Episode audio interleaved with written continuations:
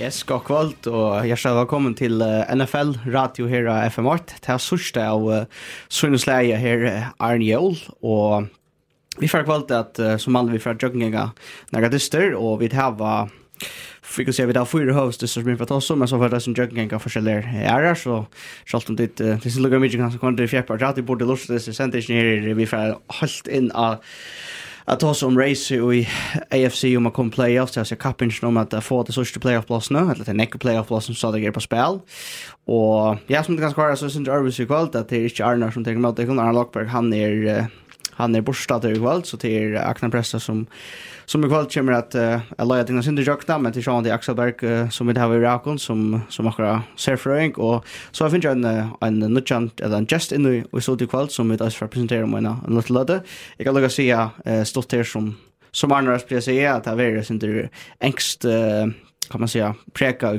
att uh, det är olika score och så där och Og til eisen til at hvis jeg ikke har mulig å lusse til alle kjendingen kvall som, som for å være jeg kanskje et eller annet sted, et sted mittelen av en timme korsjer til en halv timme, så får jeg ut at alle kjenner ut av Spotify og Apple og alt mulig så der i morgen. Men vi får visst at jeg venter dere til, til dere adress, vi da finner en, en mann som, som ser sammen med mer og Axel og Arne spiller, og en spiller spiller en veldig fantasi, og som, som fyller vel vi i en velve. Velkommen til Kjell Ofte. Takk for det. Jeg kan først spørre at det er liksom, kusse eller när du börjar hitta i NFL ganska och kusse kusse tala som kommer lära och så kanske tossa syndrom kärlegan som du har till till Lee Chatter som som är det samma som som Axel. Ja.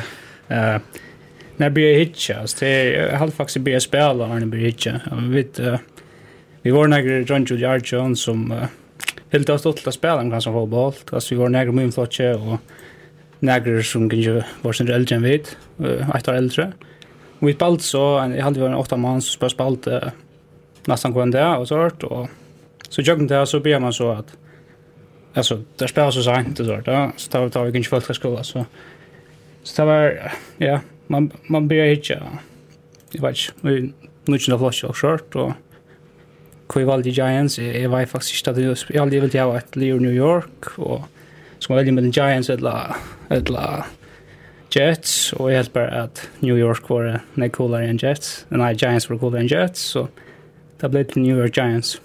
Det är så. Och Super Bowl serien som var här her att det var nya Patriots, som många hade sett tapt, han hjalp ganske, han, han gjorde det ganske Sverige att man helt vid Giants. Nej, helt säkert inte. det var, det var mega cool. Jag vet ikke om Tom Brady.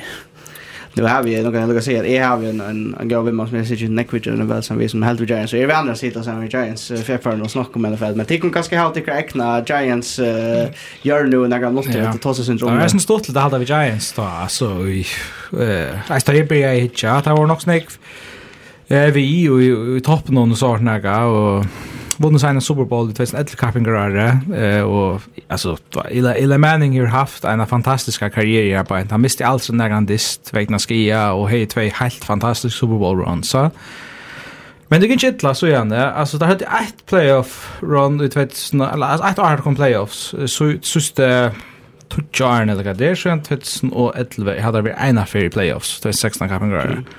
Så på nek om alla Ramanens i NFL så stod kjørene. ja, faktisk. Det tror det fem. Men det var tvär Super Bowls och i det i 15 ja. år som ja. jag vet nästan alla har fyllt vid cirka det, ja. Men kan jag ta en chans så, just säga, kan helt du är, är, gale nu i, Giants? Vad är det som, som, vad ska man göra för att fixa det? Jag vet jag blad inte jag vet om men alltså nu så här det är väldigt simpelt. Man har snart stum högt till att det här, så här manglar onkel här manglar antingen spelare, en vänner, ett eller annat som, som häver sin att komma vid och Tycker man hygger rätt om det ska bara så så så flatt alltså det är som tar er bara va inte där det är omkant det alltså vinna en dist här där alltså det vet hur snygg vinst där jag har fyra eller så. Ja. Ja. Och ja, alltså tisch tisch stort till hygget det är inte spelare som ordar sig alltså. Här är inte man tror mycket väl hygget. Det är inte här andra spelare som som Tom Brady eller eller och då. Vad helt om Daniel Jones? Alltså jag har Daniel Jones, jag har inte han trubbel alltså. Jag Håll gärna få in i quarterback, och se han en ordentlig, ordentlig go run. jag gärna få in Men det är bara att skatt häver han, alltså han häver han under mye linja, Och, och han häver några wide receiver som alltid skatter. Han är ju Barkley som är som running back, alltså, som är mega goer, men han har kommit efter, och, och han kan inte renna att han, att han fjärs linjerna, så, så hittar han till, ja, här är alltså, Ja, alltså är är nästan rättliga samtidigt vet det ja och nu nu hos den Jones så sitter ju ute så stryker det när vi ska ja och han får sitta och resten av Iron till han över försträckt nacken chans är nog så säljs grej men ja. Alltså det är ehm där fick där shift coach ut nu några färnar och där skift general manager ut där står för några grand tru för han sjön det är Gettleman och han hev bara inte det blir inte ens väl. Nej, alltså det är så defensivt alltså det är Hvis du ikke er så field goal range, så er det på en kvar jeg finner. Det lukker mye, mye om det 14 inches, eller hva det er også. Ja, så manglar en aggressivitet då fra fra Joe George. Han var rett en sats, altså special teams coordinator til Patriots som han så sitter som coach i stället för jeg färra ut etter efter vet ikke, Josh McDaniels, Eric Bieniemy sånne her offensive coordinators i Leon så så det er det av andra man för etter special teams coordinator. Uh, men jeg må si at det er tror og han alltså og troligt nok her heter vi Drobleichen, og i gusser fem år Giants det den der offensiva linjen hun simpelt hen fungerer bare ikke. Nei, det er ikke Og til Drobleichen til Daniel Jones, han kan vel spille ølle vel. Til om han ser i nekvundist, han hever kvalitet. Alltså han har en extremt stark arm. Han är den till jag göra bort fel i mitten, men vi såg till Brian och Aron och han klarar han spelar faktiskt helt öjliga väl. Han var faktiskt en av dem så avancerade statistiker och han bäst quarterbacks i NFL där just första fem snälla kan det vara. Ja, en year alltså det som du säger alltså han han gör det mer gott alltså han har några fel i mitten men ta ta en man kunna klara livet vi. Alltså han har ett högt nivå alltså i mer. Så känner man inte quarterback så han nu han kom samma vi eller kom kom till draften så har vi några som som Moisen vi så just där Jeff eller som som Josh Allen var sån här typer men men han kanske manglat här runt om sig till att till att bliva att ha helt stora. Och här har också ganska ett nu tar sig de nu nämnt ut och Gatlman också man man tar som heter nog alla så star Jones som general manager där som vi kallar och det så kör ganska kan ta ha få större antydning att till att ta ta Jerry Reese för inne och vad vill bygga till Super Bowl så man tar sig neck om te att man hejar norska täckt att han för Lee och har en en mining vet du. Ja just alltså det är det som som Jerry Marvel det är det Dave Gettleman han du just för skitla med han fortsätter nästa år. Han har haft för nekva tog, han har just för nekva ting som är kontroversiell, och så hevet det simpelthen ikke någon stund er byggt, altså det som var huvudprioritet i John, och det var at just offensive linjerna. Han är ikke klar av det. Så vi tar två eh, picks i första runt nästa år och det kommer bättre två vi haxan så att lite stopp toucha så vi trädde i efter för vi bears och house tar pick. Så det är spännande så jag kan kan man kan få för för te top pitchen där. Jag hade ju jag tog inte initialt den John quarterback eller gott. Nej, helt säkert inte. Inte en quarterback vill vi ha linje linje folk ett långt ram. Han kan gå on defense kanske alltså. Ja, og det där får linjen har bygd opp, så vidare. Den Jones han kan leverera vel, og det och så kan man nästan få Barkley mer involverende en Altså, men på något mål där receiving time her er gode spelare. Det är väl alltid nästa år. Ja, Shepard for uh, halsilan fer nu altså, så en Shepard så han spelar nog helt inte nästa år. Det där. Eh så här är det kanske det halvt, her er ikke vapne kan man säga. Och och, och kanske är det inte alltså kan man haft Odell Beckham ja alltså ta typen alltså yeah. man är ju som Plax Cooper så kan man det tar man väl helt att upp någon nästa var också politely så var yeah. alltså. Det här man kanske inte nu på Charlton Tony och och Slayton i alltså onkel har wished har visst potential. Ja där bara vi får lugna vet någonsin ja. men uh, New York Giants tid vi vi snackar alltså tar här tar här en chans att komma playoffs sen. Tar tapp uh, tar tapp som matchen att det att det Cowboys nu. Eh men tar här en pick pick pick pick den chans att komma playoffs men det ger nog inte men uh, 0,1% ständer. Ja, så vi kan kanske kunna ända det är alltså realistiskt så hur så långt kan man vänta. Jag vet skulle man ha playoffs åt New York Giants. Det är nog på hos människan Daniel Jones. Hvis han mennes männis kan man säga nästa skritt vad gör och och komponenterna runt om han blir komma så då väl så jag playoff nästa år. Mm. Men vis att Tisha vi fixa och man förvojar för den Jones som ska börja nutchen så kunde vi gått lucka hit efter en 2-3-4 år tre att Arvisus skulle trycka på att Så det, det är hänger rättligen jag honom hade är ju för Ja, en year, men alltså i allt det kan, det kanske har en gång jag kött i NFL, det så jag vet dömer om, alltså Buccaneers och allt möjligt, alltså det kan spela fram in och ja. Ja, så. Ska vara Russell Wilson kanske? Ja, det är alltså kanske han. Ja, alltså det går så där spännande att veta men uh, Artley som i alla fall kör playoffs kommer gå så vant att det är kanske City Chiefs och är det som vi får att oss om uh, om näst eller att han disten vill Det är slugga som Axel har sig fin hese fin jobbrodna men uh, vi får kassa direkt in utan nästa disten och men uh, jag ska hälsa från fra Arnar Arnar. Så jag ska hälsa från Arnar. Han uh, han vill först lägga som här ett en kommentar till vi uh, vi kunde köra in Atlanta Lars eller fyra, men han säger att uh, jag vet att man kan ta som AFC och jag ser sen det att Ravens och Lee tar uh, till free pass har kommit playoffs. Titans tar nog nästa speciella och så blir Patriots nog till som första första sitt har vi inte sagt. Nej, det är inte Patriots. Det är bland annat att vi har sagt, men han säger att det är så var det en som säger att det är som tror vi passar Lee som är 3 och 4 att ha vet, eller 4 och 4 att ha han börjar sända Han säger att har era vi åter av toppen, att värjan 24 och att alla får spela som platt och som playa och Jag vet inte om jag säger att tyvärr vi måste göra axel rätt, men tar vi vinna fyra... Ja, nej, det är snämt att det börjar, ja. Axel, tar vinna vi... Ja, tar klar att, att, att att vinna i overtime uh, i Los Angeles och det är det största man också att, uh, att ha varit längt utanför. Ja, och man måste nog lukka perspektivera Disney Center, tror jag. Vi nämnde i Søstervik, jeg kallar det for Orsens Dyst, en slågjare, og man kan se han leverer i, på en måte opp til det vi er noen fantastisk drama. Så det er nok spennende å vakna opp fra morgenen da jeg sett meg ikke til Disney og nere på. Um, to Chargers hadde vunnet Disney, så hadde vi uh, fremst i sånn divisjon, mm. og nå litt der akkurat av grensene til at uh, komme inn i kom in i wildcard race og jeg som trunka noen um, er satt å till til ja ja. Ja, när vi Colts och Bills och Ravens.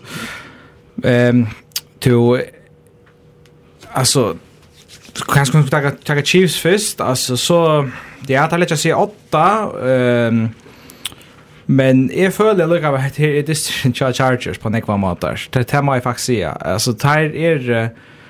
Eh, der blir disten via drive som endar vi, som er endar vi goal line. Her der fer etter og får en goal fra 5 mm -hmm. yard linjen. Ja. Jeg lett ikke, jeg trykker ikke på analys, analytiker som sier at det er rett å playa Jerry her på en. Så jeg skal ikke passe annet for meg at det er hakkere en 80% chans å få han inn herfra. Det trykker vi simpelthen ikke på jag skiljer inte det. Det verkar syns bara panik mot man väntar man för ut och man ska rena kapp vid Chiefs och till något här argument är för det man vill på ska touchdowns. Men det känns för det hänt det någon. Ta händer åter sätter ni det någon att fort en goal men det är så för att linjen där. Ta det för. Ja ja. Ta det faktiskt man ska göra. Eh och så har där fumble a third and goal och åter linjen där. Så där är trutcha för innanför 5 yard linjen där. Ja. Tja Tja Chiefs utan att skora. Så kan det, ja. Det är trubbelt, alltså tror jag att, men, men alluga väl, det studentar i overtime.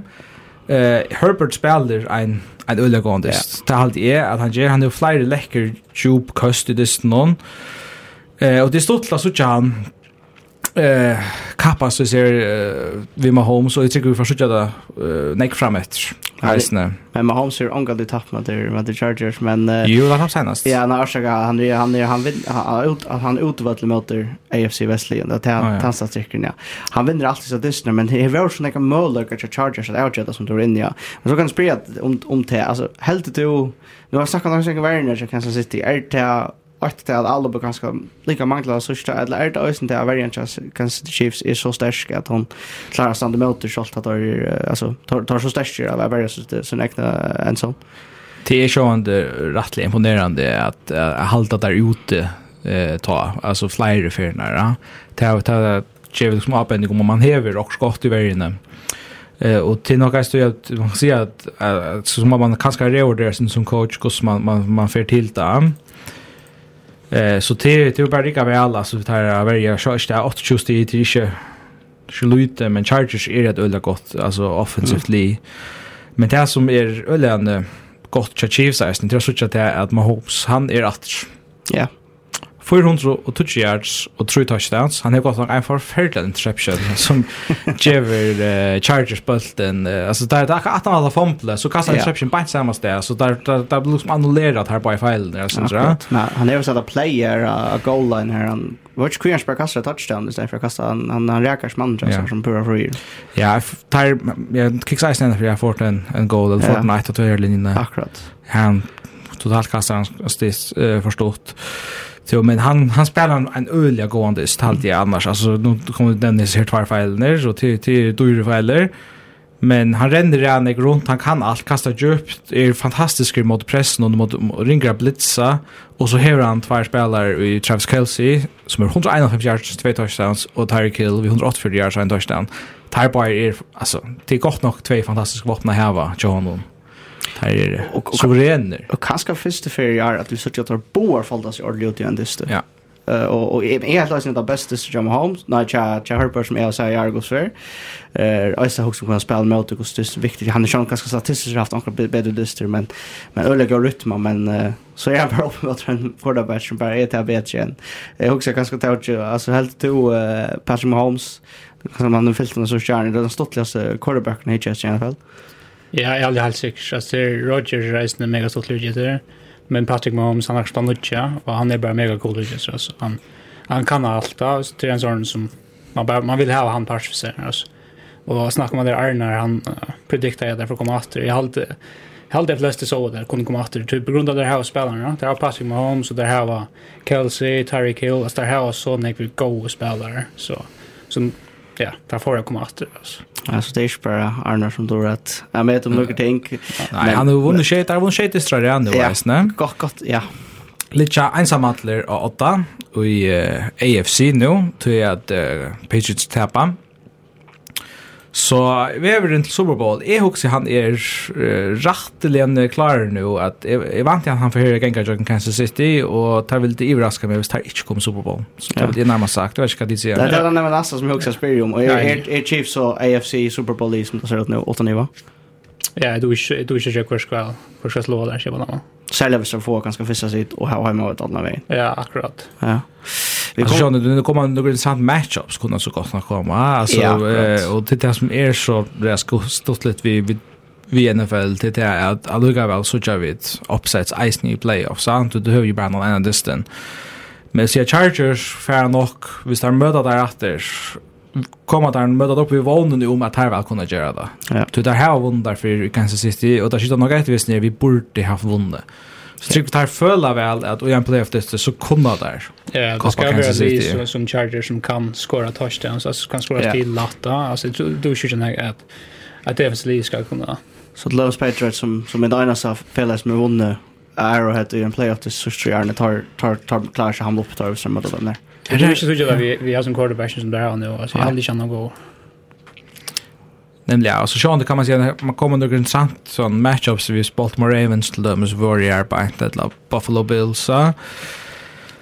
Det blir alt til, altså, men men att det alltså man ska ett annat ställe så det skulle säga för alltså stor favoritar är närmast till Tada Bria Lucas och jag hade sen säga att vi är alltså annars just vi är att att man ska kanske inte bli helt bländ av det av det var början Bria eh man har hit efter formen och till actually som blir kan här bak nu alltså och jag heter det akkurat och här så det var Brady Tapper 0 0 nutch mot det ja. mot det Saints knappt ja där som det chockerande oss och det står så här alltså kunde man egentligen förskylla sig att Patrick Mahomes kunde ända som MVP. Jag tror att tycker vi väl han kan. Alltså vi känner ordentligt stäppa upp nu och till att till till nu att Taylor så att säga. Ja, och tar välja, kan ta välja MVP på en annan Super Bowl. Så är det kärta player era. Nej, det stämmer där vi given där att han har regular season. Okej, det okej. Men där vi först annonsera det är en annan Super Bowl. Ja, så borde det sånt men som som som tar det seriöst till till till till i december själva att man ska spela så bäst i december januari blir man säger. Ja. Så hvis eh ja. Men jag jag har vi för att oss om om Chargers playoff playoff mode om allt laddat har vi kommer liksom in och samla i mintarna men var det något chat och mot akkurat hända distant till tar ju när vi några för det här också. Det är några andra som tog hej action. Vi mont till te. Eh Shalvan distant att lära bara det att att Chiefs bara look at us in den dagen. Nej, alltså kanske lucka lite att träda så Brenton Staley har kommit in via sån mentaliteten och vi han är superaggressiv. Vi har varit och och där sa man Eisen senast där möttes att han fick ett sånt helt absurd om fortdowns. Alltså jag Jan det. Akkurat. Eh som nog i när jag vinner han det ett annat ställe så så man kan säga kanske det jag jag ser ut men men är inte samtidigt när maten han för jag är inte samtidigt ta helt där alltså jag är nästan åt Robert Schwarzman då och vi tror ju det kan det vara. Ja. Ehm men hade det att hade det är det till till så löst spela och alltså inte att det är underhållande nog men synd frustrerande och den där resten som sån alltså vi som analysa hatt jag akkurat. Ja, ehm ja, eh vi kommer ta oss om en era en trant out som var teaching tatt för en goal line i detta. Men vi får först till tantisen som börjar ungefär ta akkurat week 15 som är igång vi Colts och Patriots och jag måste säga att det eh han disken kan man säga präckva i ösnen ganska för mer och något som tidigare alltså New England Patriots är det kanske inte går som alla expression och i USA och just till. Är helt att Colts är näck bättre vinna shade och säger och Syren är egentligen angående och, i vanta. Det är jag tror absolut en måte att uh, se då på. Alltså Colts där få ett touchdown som första drive. Och så stort att han då så ponta Patriots men där har varit blockt pont som förde touchdown hin vägen och så är knappt jag stövar 14-0 till Colts. Så ser jag så ett annat stäv är uh, Patriots sätter ju en stöv som tar inte i vänner vi uh, öll för inte där sista disten vi är att spela att vi vi är attan fra och tar tar gärna det här man blåser ut minne tollen och man ser isen på disten att det faktiskt renna neck minne där har just och är det och men till så isen det som Colts variant kommer in och röjnar att göra. Det röjnar att stäcka rennspälen någon. Tjada i mån och tar Rickard Ulla väl. Det här var 14 carries som för running backs och så var det sån tight end och edge receiver run plays så som inte för mer nu tror vi är sam. Så det ändar i händen händen av Mac Jones.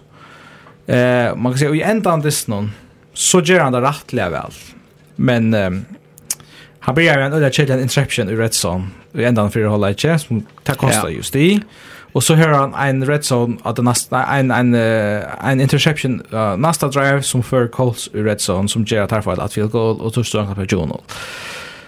Jag tycker att Atlas gott att, att han kan föra in efter det någon tar tar komma upp och ehm han har fått 295 yards, två touchdowns och så två interceptions som vi nämnde. Så till att näka att han han kan han visar att det Men det är bara för lite, too little too late. Ehm um, hade rättliga snedet att där sparska ett field goal tar där 1813 stigen. Ta nutch mot rätt av desnon från sex yard linjen. Jag är för bara att man man vill ge att en score game. Nej, det är stann 2 point score game. Ja. Till 13 stig. Jag har varsaka igen blanka. Ja, ja, ja. Det visar några lut sin det manglande i allt. Alltså är värre i någonting där så att allt är kanske inte 100% på på Mac Jones. Han vill lut sin där exposed just this någon hade det. Ja, det tror jag inte det tror jag. Ja, Mark Jones. Mark Lafonek. Ändå går så. Ja, alltså jag hade simpelt jag hade bara känner att han är slög över som där som hinner alltså som lägger de bästa och och i NFL. Jag hade simpelt bara att man ska man ska man ska ha sin nummer än han har för att kunna kunna vinna tar tar här Disney som går nu alltså vi playoff resten så det tycker jag på han kan ta det till Super Bowl eller vinna Super Bowl. Och och är det ganska problem med att Stöjlinjon ganska är nog snäckt här som som Max eller ja att att han att han är funnit la lojan det stora tempo i någon men men han vi ska outjetta shoulder så så manglar så så är det shoulder. Ja, han funnit ja ja Bill Belichick och några stora linjer så här jag nu. Men han är ju en Patrick Mahomes jag kan han han vinner inte shoulder. Men hinn syna att spela mot Colts mer som är alltid som jag vill till en det är rätt gott alltså jag hukta sindra tar det som och tar tar online mot Giants är bara mega go.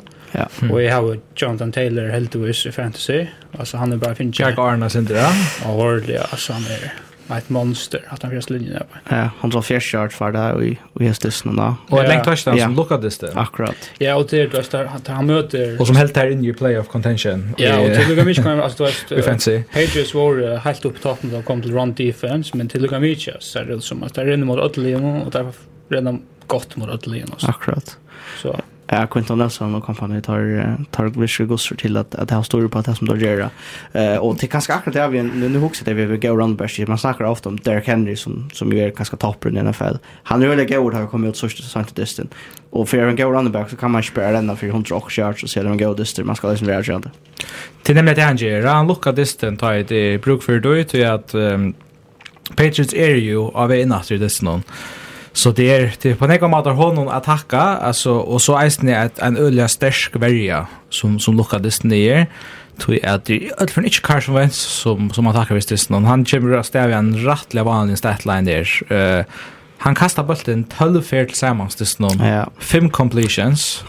Mal completion percentage blir vi. Shield yards after han över. Eh han häver så att touch han får credit för att touchdown men alltså det är basically ja, ett handoff. Ja, ja, alltså ja, ja. det är visst du har your handoff fram bättre ja. så till det som är kasta. Men Mahomes för några sån här allugal per ska ska ja. så ses. Men det är rätt typ så där kanske den så tisch hade chans det så nå. Det är han som som ber att det. Det är John Taylor. Och för jag kom in och han åter lutsen där till det alltså han han minner Ranik om det Henry Fox. faktiskt. Alltså Iceberg Mark Snake var renner. Ja. Jag hade en 31 touches and det är snabbt. Akkurat. 480 yards och då är Derrick Henry han är ju alltså det man snackar ju nägg om alltså för att klara hålla hette uta alltså mm. han som like touches kundest så det är nog spännande ju om om Jonathan Taylor är klarar att du vet ich plus skatter och bla via how explosion vi så nägg från touches som han har. Kanske vem som har stilla ger och plays on det men Tajani så som man dyst alltid där. Ja. Han ger faktiskt rätt last on file if fjärde quarter som lower pages in att det är snarare kassa en eller chair interception. Men Axel snackar om Taylor, en värre spelare till Colts som som du har nämnt också för er profiler till dem. Darius Leonard är alltså en en av absolut best linebacker i NFL. Det har alltid man kan säga att Aaron Josh Lucas han var så han var rookie så har han bara ordentligt stämpla in. Han har uh, bäge I force fumble och en interception just nu mm. och touch tacklingar. Han är lejaren av Linnon och på den kommer reisen hon och tacka över igen spel så väl som tar några ena för Jerry här på så till till fighta sucha isne ehm Cold Spear Lucian Lee som har sin identitet vi en starkare varje gott run game och så var man så bia till att Carson Wentz kan halta halta i jöknet här och visa visa till Det går så ju när jag ser man kommer i vis man kommer i play of this done det är ju inte han kör helt sikkert enn Chad Haimon helter. Jeg har ikke haft det gott RV Eagles för några år siden. Han var MVP, jag vet at ble MVP i NFL vant man tar han i Super Superbowl-æren og och ble han så skatter i touch ett lätt i Los Angeles, knä i fair. Och Nick Falls till Tjekk över och Tjekk det som Nick Foles kan. Men kanske vänster vant det vant man har för ble MVP, men akkurat han får er man ikke etter. Men så borde man tro att han, alltså han kom till just det kanske. Akkurat. Men han är nämligen player för han är nästan inte player han spelar kanske en två playoff efter det. Han kommer nog ena för att tredje player equals för sig minnes rätt. Ja, nej men Nick Foles körde han beskattar Ari efter Så Nick Foles åter körde player playoff oss. Nej men ja, jag har alltid det alltså. Så man tror att det är i regular season och en playoff det är stark. Akkurat. Ja, ja, han han är inte ordentligt. Vi där tjänar i playoffs ordentligt. Nej, till han testen han spelade han spalt som startstart då blev han skatter. Akkurat. Så är det där.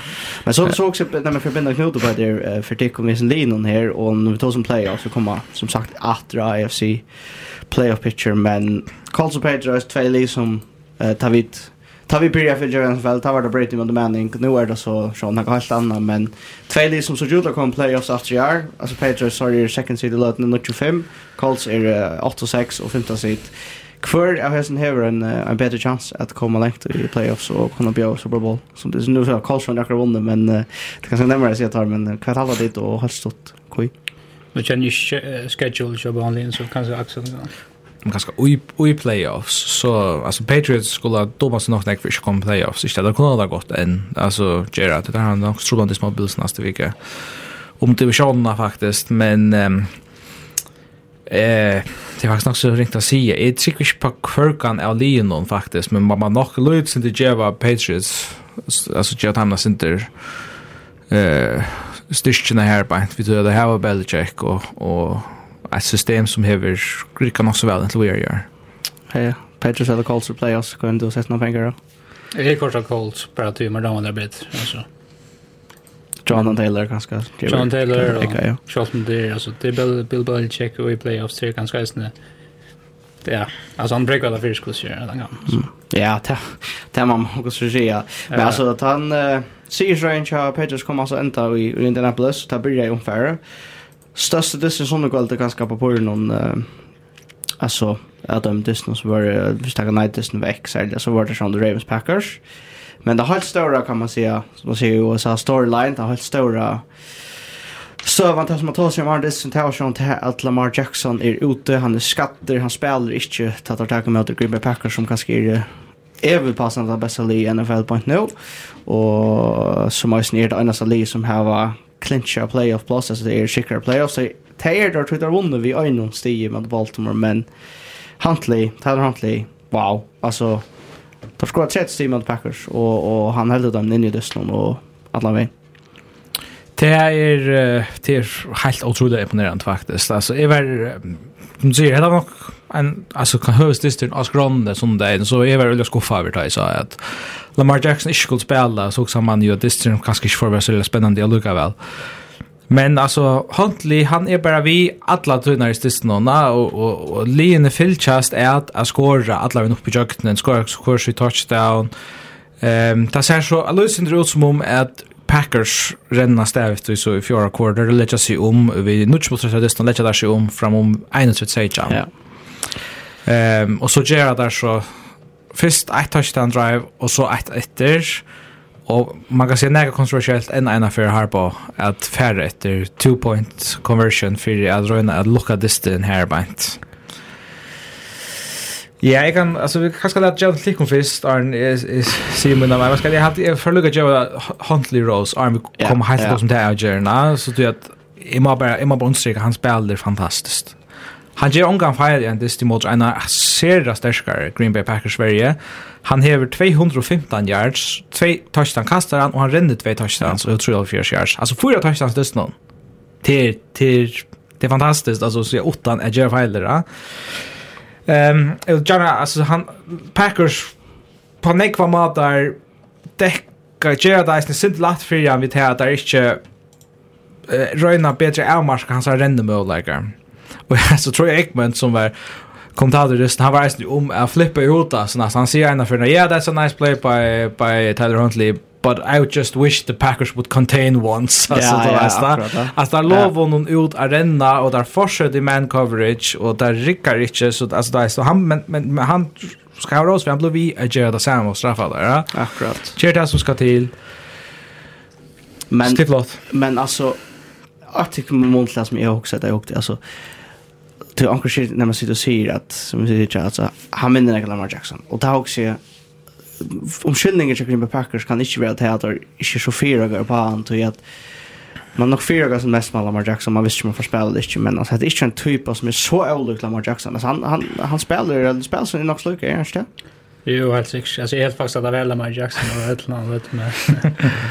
Så ja, man snackar snägg om att hvis Lamar Jackson är kärd av Ravens så, så klarar det inte, men Ja, alltså spännande går det så bra chill att nästa nästa dystry dräkar där tappa på på en two point conversion ändå för height så hade bara vunnit alltså det är så cool att de vunnit på en av Ja. Alltså ja, och är är nu är halt shoulder där outern är Jag jag vet inte jag vi tog så lyssna på Arnar för luftna spej och tog jag ganska till eller go out på några matar och Axel så out här Axel tog en sån också intressant att det om kan man bort just. Ja, alltså och nu är det NFL är ju blå mer och mer en, en sporter som brukar alltså, analytics. Så? Mm. Här en hur mer och mer ja, vi får att gå så coaches tag out och ta sådana video. Alltså spelar bra till Jallian det det just det. Tutjarna. ehm men tar man er 18 för vi 14 så är det öliga tydligt att man skall färre efter two-point conversion fyrste fyrt ska ta Særlig at ta ta det stort ju det. Ja. Alltså här är bara ett scenario chat at man för första det er at man skal skora tvei touchdowns för at vi vet det någon allt anna så er det tappt anna. Akkurat. Så her er snägg spel vi at da kan kanske Packers for skora field goal hvis du vi ice now alltså till två touchdowns till det. Ta skalt og för etter two point conversion fyrste för. Du ser först då först för. Så kan skatta ju bara skjuta ett, ett extra poäng är för så du lookar this then. Kicksa då antar. Så du startar med att agera där prova en för rätt för att bjärga det någon. Och vad man ska bra det helt ner i procenter är för blå för alltså när du här på så ser att det är 50-50 vi att ett ehm extra poäng nej att two point conversion det lösen luxury där och field goal är 100% Eisen, det er sin lakrent der så kan man säga fast då two point conversion så då tror jag chans för den distance point där. Ehm men så just på hemma då det just först vi så då tror jag chans för att du vinner distance men du har start veck chansen att om man kommer i overtime. Och tror jag chans för att komma i overtime det är 25 att säga att för det ständer overtime. Och vinner han då ser du 12,5% att säga att så nu har du knappt 2,5% chans för den distance hvis du just order simpelt så är det så Så nej i halte det att Harpo han mismanager endan av distan eh men så helt isolera seg. tar man så stendt där om at han för en och for ett och så skiljer vel av gärna at du behöver Tyler Huntley du vil ha han för opp og lucka distan Um, og ständer for å spille overtime mot Aaron Rodgers som hur vi glowhider distan men jeg vil eisen lett sig at, att det altså att 24 sekunder efter distan distan er ikke lever for det om um, uh, om du skorar. Du vet, du tar här 40 sekunder efter och en timeout. Där kan Aaron Rodgers lattliga. Alltså ofta när nej kom för det är ofta när just för field goal drive och det är nog så stor moner då. Hvis han skal gjøre det, eller om han kan gjøre det, om han er 18 fyrir, om det er liker så faktisk vil man kunne som sagt, jeg vet ikke hva man skulle give det, men en 20% chance, eller et eller annet, eller mer enn det, for jeg får opp og gjøre det. Så det er faktisk den skal jeg være utgjør. Nå håper jeg at, at det skiljer hva jeg mener vi her hjemme, altså, men så fra Eh alltså hackfröingarna är ju inte imponerade av Amatan någon som eh, Baltimore Ravens hanterar handan här eh, ända den distan. Men det är ganska spel ganska synd inne och alltså till att man nu ser och för några för eller går så ena för att hålla i San Francisco låt mig säga Rodgers att tar tar skor field goal tar jämna distan och så rör man så kameran för Rodgers och han okej. Okay. Så får han bollen och flit li uh, på kallar det 8 sekund ner vi, vi kanske inte har allt och för field goal efter distan alltså och det är klippa alltså flyer samlingar på Youtube efter att han har just akkurat det ser inte. Det kanske spelar oss inte man tänker sån här. Det ska det där ju och hvis man ska för två för lucka distan så ska det gärna vara att det är alltså mot Steelers värda en touch sekund efter lockshot. Ja. Det er det er. Ta gjør det mining. Akkurat. Sindra Arvis. Ja, hette er, hette er den skaiva avgjøren, årsaka, og play shot. Det er heller ikke super gott play til Mark Andrews, som for røyner å boxa mannen kjassare av, han blir møtter øyla vel at det er cornerback her, og timingen er så helt off, og han Huntley sarkast, sidreist helt skreift, årsaka. um, så so, Så Max Hansar execution out to play under välja är är vanlig. Och sälja att han huxar om det han faktisk faktiskt en pura blanka Marquis Brown mm. och Jensson Eisne. Så det Eisne löser Center manglande mentalt överskott till honom. Du, du ger ju disten, nu, nu kommer ta som procenter och allt. Och att, men då Eisne tar som om, om, om matematik. Fotboll är inte bara helt. Det är snurr sig som människor mer än jag vet till någon. Hetta inte att Tyler Huntley teker där ska vi tekan ska out outjer vi tar han hever distan i hans hand och att han han han forsar alltså tvinga bulten till Andrews som är däckar upp och drar skvalat kast och stäng för jag huxar mot första read till er share låt oss checka så här mm han just där så har han haft en nämnt eh nämnt two point score här på inte så det har nog isen jag tror att att till his mer som som ständigt vi vet du hvis vi färger ut til uh, hin quarterback som var hin menna. Aaron Rodgers. Alltså vad är det som han är igång till sitt sitt sin dåra att det bara ska vad är det för en quarterback alltså man nu han är han är väl synd det är synd bulter där till men uh, visst han spär att han är vi ser han bästa på nu och laddar så halt halt halt när vi Jo, det är alltid alltså jag då är smart Det lukkar mig ikke om han er nyrre eller hva det er, så vet man alltid at Aaron Rodgers sjunger alltid gör det som Aaron Rodgers gör alltså. Man säger här är jag kastade det någon som där snackar jag om som bara är så så precis så gott. Det vet inte vidare vad snacka om mer än bara. Det är en en pocket eller en window som med så pick lite. Ja, ja, jo, helt ja. Och Jo, alltså men alltså som du säger han är värdelös i den nyrre så är jag kör trubbläggare. Jag är alltid trubbläggare under Aaron Rodgers som bars men Men ja, alltså, alltså nu, jag vet inte om Eisen Lee blir bättre på stort på stort att det just det att nu knappt så är det bara här som man vi playa så där här som man alltid var vänner så kör Packers så. Och är helt cool till att med dem väl Rogers action då med dem väl Patrick Mahomes så det bästa spelaren skulle ju playoffs så det är glad för det. Uh, Axel uh, ja, ja alltså, alltså fall för nästan va. Det alltid man kan säga. Jag hade snackar om Agent File och hur flyr alltså stor place i det någon flyer jupe kost som som som är go. Så han är rätt där som vi, vi känner han bäst mannen och um, Packers har så lagt lösen av luft ner till nummer 2 nu och tar ensam att åtta. Eh och ett annat steg efter så hade bara MVP eh, kappingen är jävla spännande men inte med Holmes där vi komma eh innan ta Brady till Rogers gott nog alltså ett annat steg så vill det närmast sagt du kommer på då som Brady Att han nå er ehm til pura jant med tar sig mer eller minne. Ja. Alltså hade jag jag har varit med där nere samt och med. Ja, och så så i mån och, och till det så så som skriver in där att uh, att att han han helt att Anche quarterback häver alltså supertöln som Lundström säger i fjör. Mm Helt med det så kan man väl söka Jonathan Taylor vinna MVP vi tar sen med sin Rihanna Uh, om han och Colts får första plats i FC South till sig vinna nästa säsong är det ju möjligt Axel kan jag för most valuable player till en running back Jeg, jeg trykker vi ikke uh, nok på akkurat det der. Altså ikke han er 1500, 1500 rushing yards, og sier ikke han tar ikke det. Altså sikkert det, altså distan, altså han finner her hver distan i BNR, altså nå snakker fancy, han er jo tjej og femstig. Jeg har alltid alla innan dystna ligger om man blir Arjan Stage och mm. stressed. Och nästan alla är ju 20. Han har haft ett sjukt år, men det tror jag är running back, ja? så hinner quarterback så... Ja, är, det, alltså, det är det ganska mer att det är att, att det är avskan generellt som spelar någon, eller tror quarterbacken som så är så stor att, att han har salt av allt, eller är det... Ja, men det är, det är den viktigaste positionen. Alltså, du kan, alltså, du kan, det är ja. Du, det är lättare att vinna en dyst som, som quarterback än det är som en running back. Alltså, det, det är det bara.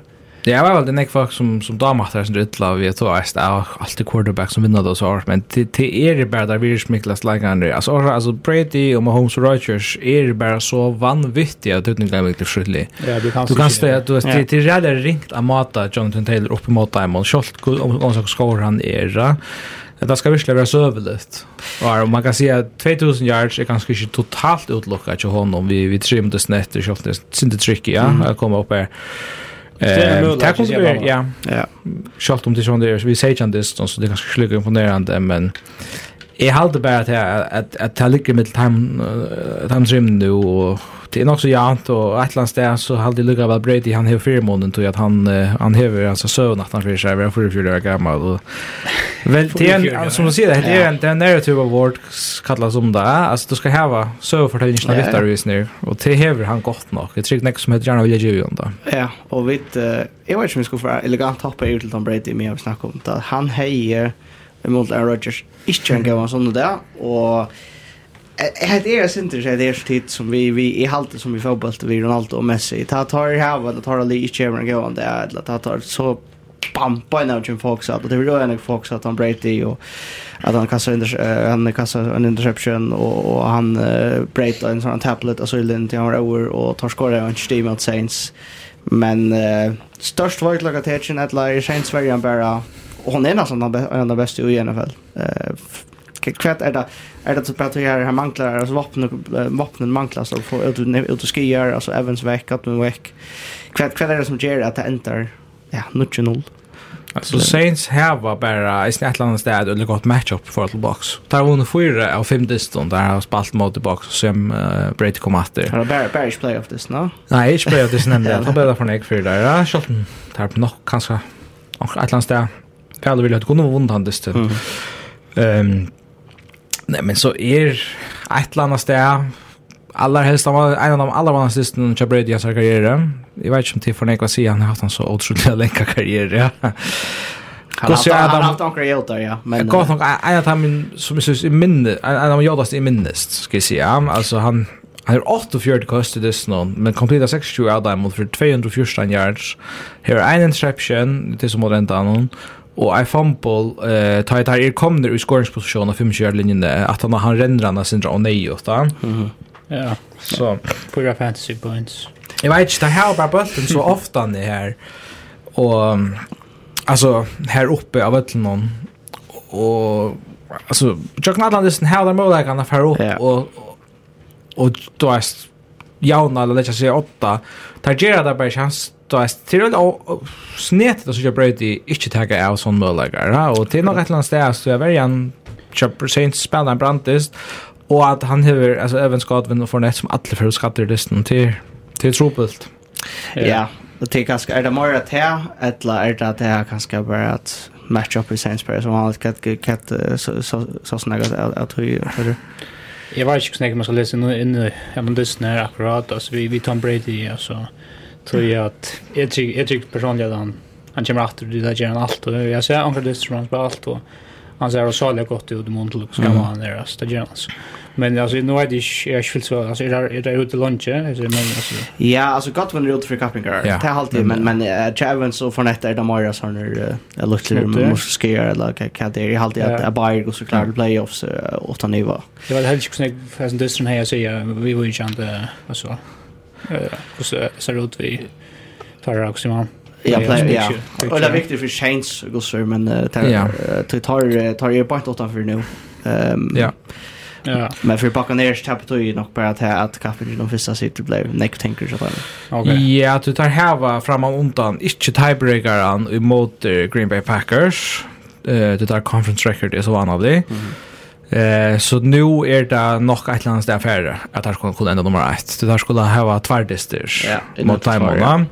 Okej. Ehm så där ligger jag nu vid Cardinals och Cowboys. Ehm det har så tiebreaker mot Cowboys men inte mot Cardinals. Så tre linjer gör så är Cowboys främsta. Eh Så ett land där kan det gott vi för att att box ända som nummer 3 4 ett land där alltså det är ja. Det är en hopp ner alltså va. Kvar position här och att se här på. Det här var det hävdar oss bara att det så om en playoff seeding. Men man att att det vi match up här på det är ett land där till att alltså heter han så näst vanligaste dyster Brady out så står som efficiency. Och de vanligaste var mot Saints Fjord.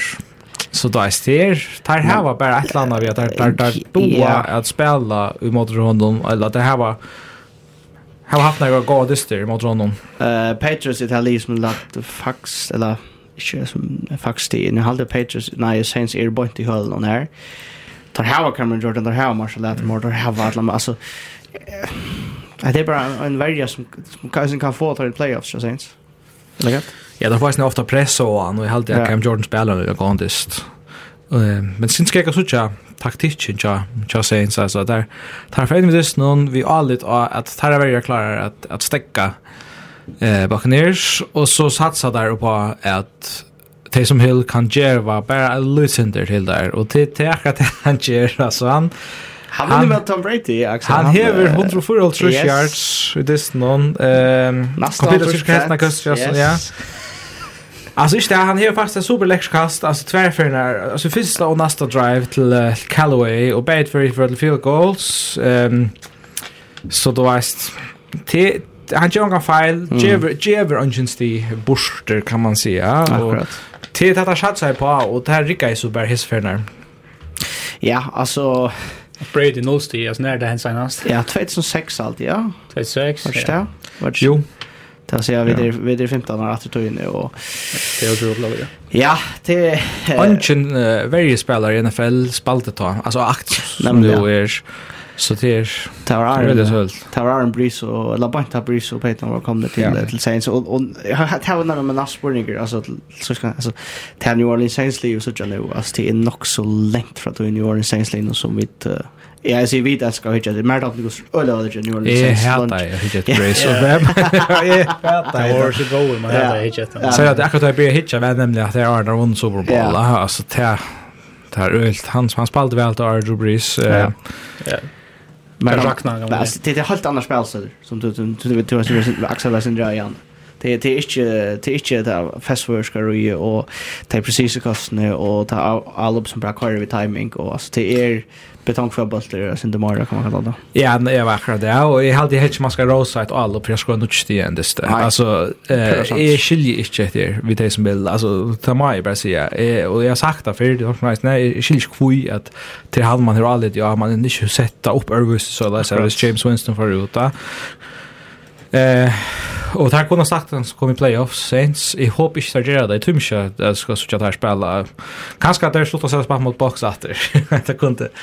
Men annars nej, alltså jag vill näckfält så Vikings eller Eagles eller ett annat spela här så så ja. som NFL fjärpar i Ötförn. Jag vill faktiskt gärna säga Saints hellre än Vikings först linjer. Till att Sean Payton, alltså han är bra så går och vinner. Alltså, halvdje personliga.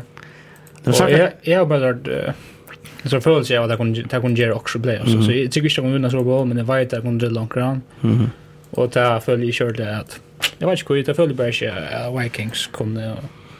Ja, alltså jag är alltid Vikings är en större chans än Eagles eller fotbollteam som som yeah. tar kapas i morgon. Men men men Saints och Vikings ja, det syns Eva som men nej när jag startar jag stitchar tar jag point till Piver. Vi vi ska ta vi för att ta som har med AFC nu det är men Niners är 8 6 Viking 6-6 og Saints 6-6 og så fotbollteam og Eagles som spelar kvöld av midnatt 6 og 6 bär. Så det är, det är Atlanta så här vi skulle finna att det är bara sörst linje. Uh, Rams är nog till jag nog ett eller annat sted.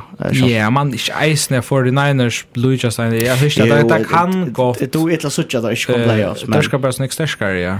Ja, akkurat då. Ehm Det lutsar sindra kapplöp om att det är kända sitt. Alltså Metzen ser linje. Ja, Vikings, Saints, Washington Football Team, Eagles och inte vi är helt uh, utlukka Seahawks och kanske Falcons.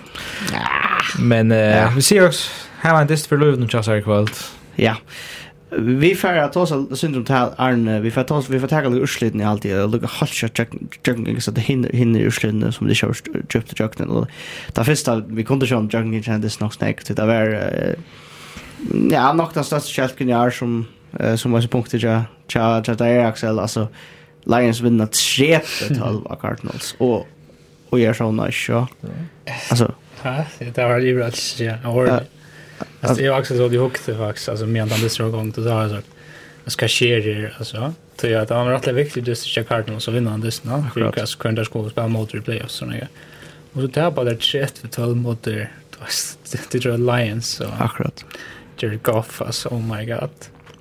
Ja, eh Arsenal syster till honom, vad man säger, att landstäga och Så nu ser jag, alltså det här tappar inte bara på att, att Lions far ut och gör några vanvittiga ting och färre efter ett four downs och ett lätt land så där. Alltså det här får bara bänk alltså faktiskt alltså det tror jag. Det tappar bara. Ja, det var Nick Pedali som vinner. Ja, alltså tar tar mäkna Luca Murray Marla men i helt ner det någon och han alltså det det är faktiskt är det den aldrig ordentligt tatter att den säger nog det håller inte någon och det blev ju skor så att den inte Jeg ringte å finne en forklaring på det. Jeg har sett på det som hendte i NFL nok. Ja, men, ja. Goff, Goff er vunnen nægge for fyra sånn, som han kjenner vel Cardinals som spelare men, men at han skal spille så vel til... Ja.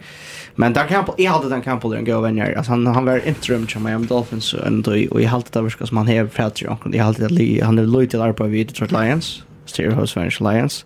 Men han er fra til Jonkron, det tar sørste vikner her, generelt ser rymelig og gav ut. Jag hade just det att det är ett öliga gott tecken på en coach och på kulturen och allinon att man man häver så när man stolt att man får ut alltså där har ju vunnit mot Vikings tandisen då så de för några veckor sedan och i ledcha Alltså tandisen kan närmast ända vi har lagt kappingar av Vikings. Så allt för en förstörda öllitla. Och jag like här mot Steelers som det ligger till att playoffplats närmast hvis det inte har haft han testen. Ja. Så det man hever en sånn stoltläge og yser at färra ut og at djeva allt och kappast emot det ner topplinjen och inte bara djeva upp. Det här hade jag faktiskt, man ska ha sådana rås för det.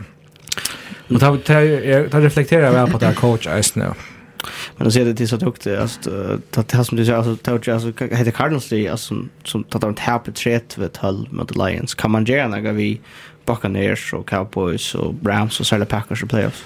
Jeg vet ikke, det er en dystra, som man vet ikke ordentlig, men altså, som, altså synden på at Lions, jeg startet, det er jo nek dystra jeg når som har rettelig tatt det, altså, som er akkurat tatt på enda nå. Så jeg har alltid låt kalla mig finnes burser ur, altså, jeg har alltid mega vanligt roster faktisk. Så ja. jeg har alltid, ja. Ja, jeg har alltid hørt klosser ringas i NFL, som jeg dog også läsa dem. Men, men uh, jeg har alltid helt sikkert kalla mig kan gjøre också. Ja, det er som mot Colts, um, Leardagen. Ja, det visst. Saturday Night Football, ja. Att nu, ja. Och så hade han det mot Cowboys som är väldigt rädda stort i ett faktiskt. Han är i förhåll till, till sidingen här bara inte med Telina. Så till uh, tar trolldister där ska möta. Det hade varit så redan nu, men alltså där kunde vi ju väl finna formen så att reisen är såna och och och lucka väl Gerald Army playoffs. Fresh jag skriver här på den gramata helter alltså men Sinter vanlig stim bak nu där ju. Ja. Vi får här i NFL rätt in förra vi får in att ta oss under vi är om tar det snart för vikskiftet vi där jogging inte fyra dyster i i dubten i fyra timmar och allt det där kan höras om att det är Spotify eller Apple och så framvis där eh att han har morgon och det är vi att oss om Buccaneers Saints vi att oss om Packers och Ravens vi att oss om Colts och Patriots, og så er det som Chiefs og Chargers. Og vi var lykke inn i ja, det største skjelsen etter hese vikene, og Lions og Cardinals, Lions vann Cardinals. Og som ikke var skjelker til at, at, at Bills vann Sikta Panthers, og Axelberg, og det var ikke uh, tider vi, vi marierer og ja, yeah, altså, Cameron, uh, Cam Newton-projektet til spalte sin fallit, Panthers er ute av playoffs, og Bills er i rett og Ja, det er for en måte at uh, oppsummeret er nok så kjøtt på. Spill, starskuld til vinner enda distin. Uh, Og så nå da brått lever jeg etter i kappen i FC East, og her var en reelle spennende dist mot Patriots i kommande vike, som er om om uh, om divisjonen i utføren, så det er bare ta uh, ja, Panthers-prosjektet, eller Camilton-prosjektet, um, till nog i stein här för jag kan man säga alltså i förhåll till uh, playoffs så som en liten att man ska måla i för det än så är det snackar som tror på det. Nej. Så ja, alltså jag hade bara Bills Bills vinner han det snabbt men där är chassar sex år och där vinner mot Panthers som är munna i faktiskt att de Vegas lin och igen väl på nu och Christian McCaffrey ute. Det är ju Panthers projekt i livet och Cam Newton ser alltså och munna i en vanlig rut alltså simpelt han börjar väl det redan två bollar in och gör såna men så har han inte kört neck positiv så jag går för och är det helt skor för England spelar natt nästa. Alltså det som jag kunde förstå med kabineten som ska vara sin Drake det är att at han innså at han ikke kan være en starting quarterback. Han halte jeg snitt, jeg minns ikke meg hei at han sitat om at han ikke kunne være backup eller et eller annet, altså då er han är nog bara en för stor personlighet till här som nummer 2. Men hvis han kan en eh ta till rollerna till så så tycker jag faktiskt att han kunde vara nok så intressant spelare haft en li och jeg bara till sån goal line packages. Men de ser Raiders brukar Mariota knappt yes. lösen det kommer in där på inte. Till han är en av de bästa quarterbacks till akkurat här. Ja. Så hej han kunna gå till det så har jag kunnat för en framtid för honom i i, i NFL med ett okänt nära liv Jones starting job att. Nej, och ja, Giants har kanske inte så att det kan Newton som den tar tar här med Glennon och han är inte en go back up för Daniel Jones.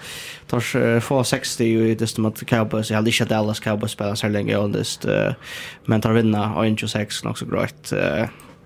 Ja, men men Jo, ja, men alltså det var bara kan vara det kanske, alla går sin tur. Det var där. Alltså, ich finde att det har flyg för den mål att att affär upp och skora. Alltså och Dak ger att han buktar av eller för korrar han fumblar han. Ehm alltså vi hade Giants haft Daniel Jones så tror jag faktiskt att vunnit det stund. Alltså tror jag att Cowboys Baldish är rättliga väl. Eh men här är inte en kvalitet jag snarare öppnar Giants. Alltså, utan den, Mike Glennon. Mike Glennon, alltså inte för några, alltså, han lyser inte en quarterback. Alltså, han lyser helt enkelt en skola där. Oh my god.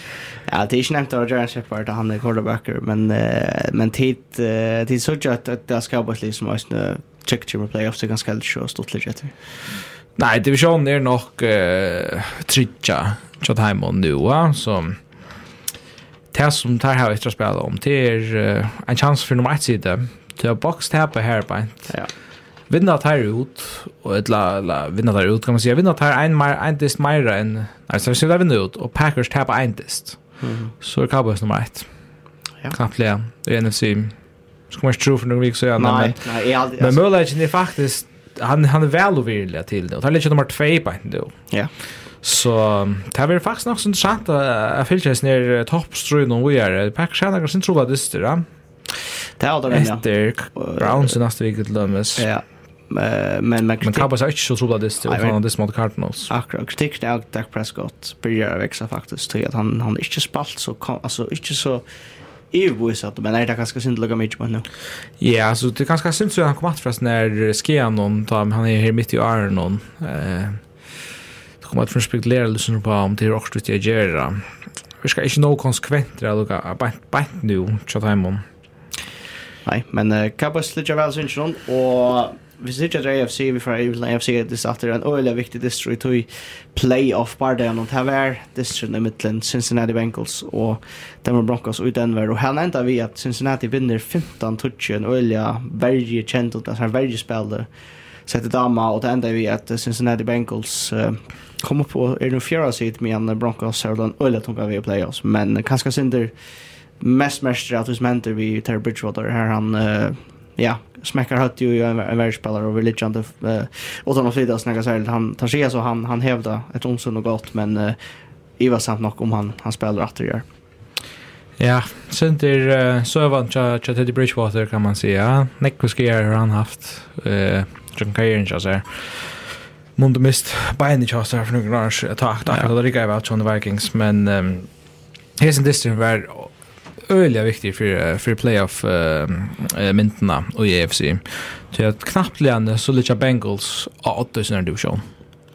Ser att läs gick faktiskt eh Broncos spaltar sin ut här bänt. Ehm öll för Bills Jag syns jag att jag ska dra lock kom in halt det här på för för Bridgewater. Ja, han är en sån stortlig typ av hitcher efter. Alltså till han är nek mer aggressiv och sånt. Jag hade faktiskt han spelar rymliga väl. Så att man här kommer kvällar så från någon. Ehm Han har flera kost i sin uh, Arsenal kan man som man kan kalla det. Så han har flera uh, ja. och eller kanske bara som säger han bra då Men uh, Joe Burrow uh, är testen där absolut nekk better quarterback er han og han gjør det som, som skal til er bare ikke det er helt vitt han vil bli noe just det noen uh, men her så der touchdown uh, drive i enda tre quarter, og det visste jeg nok til at verjan tar heva bare øyla godt halvt av Denver Broncos Denver Broncos all opp noen alle i jøkken mm. Ja, vi får kjøtt videre en annan AFC det som ja, for det ene lige hei akkurat sier mål mot playoffs og hitler i New York Jets så so, Dolphins uh, satte sig där, ja. Uh, det ska så vi människa så att det är Miami Dolphins köpare och Jag tog bara tagga han. Ja, alltså, alltså, nej, alltså jag Jeg har alltid ikke vidt vi jøkken for han det synes jeg det på sånn att det er at vi alle er virkelig till New York Jets. Men de spelar faktiskt en fin this time av att här eh, och Jets så där trouble offense som faktiskt Majax att han stör en pass det någon men uh, Doug Johnson är ett hit som running back helt dess någon.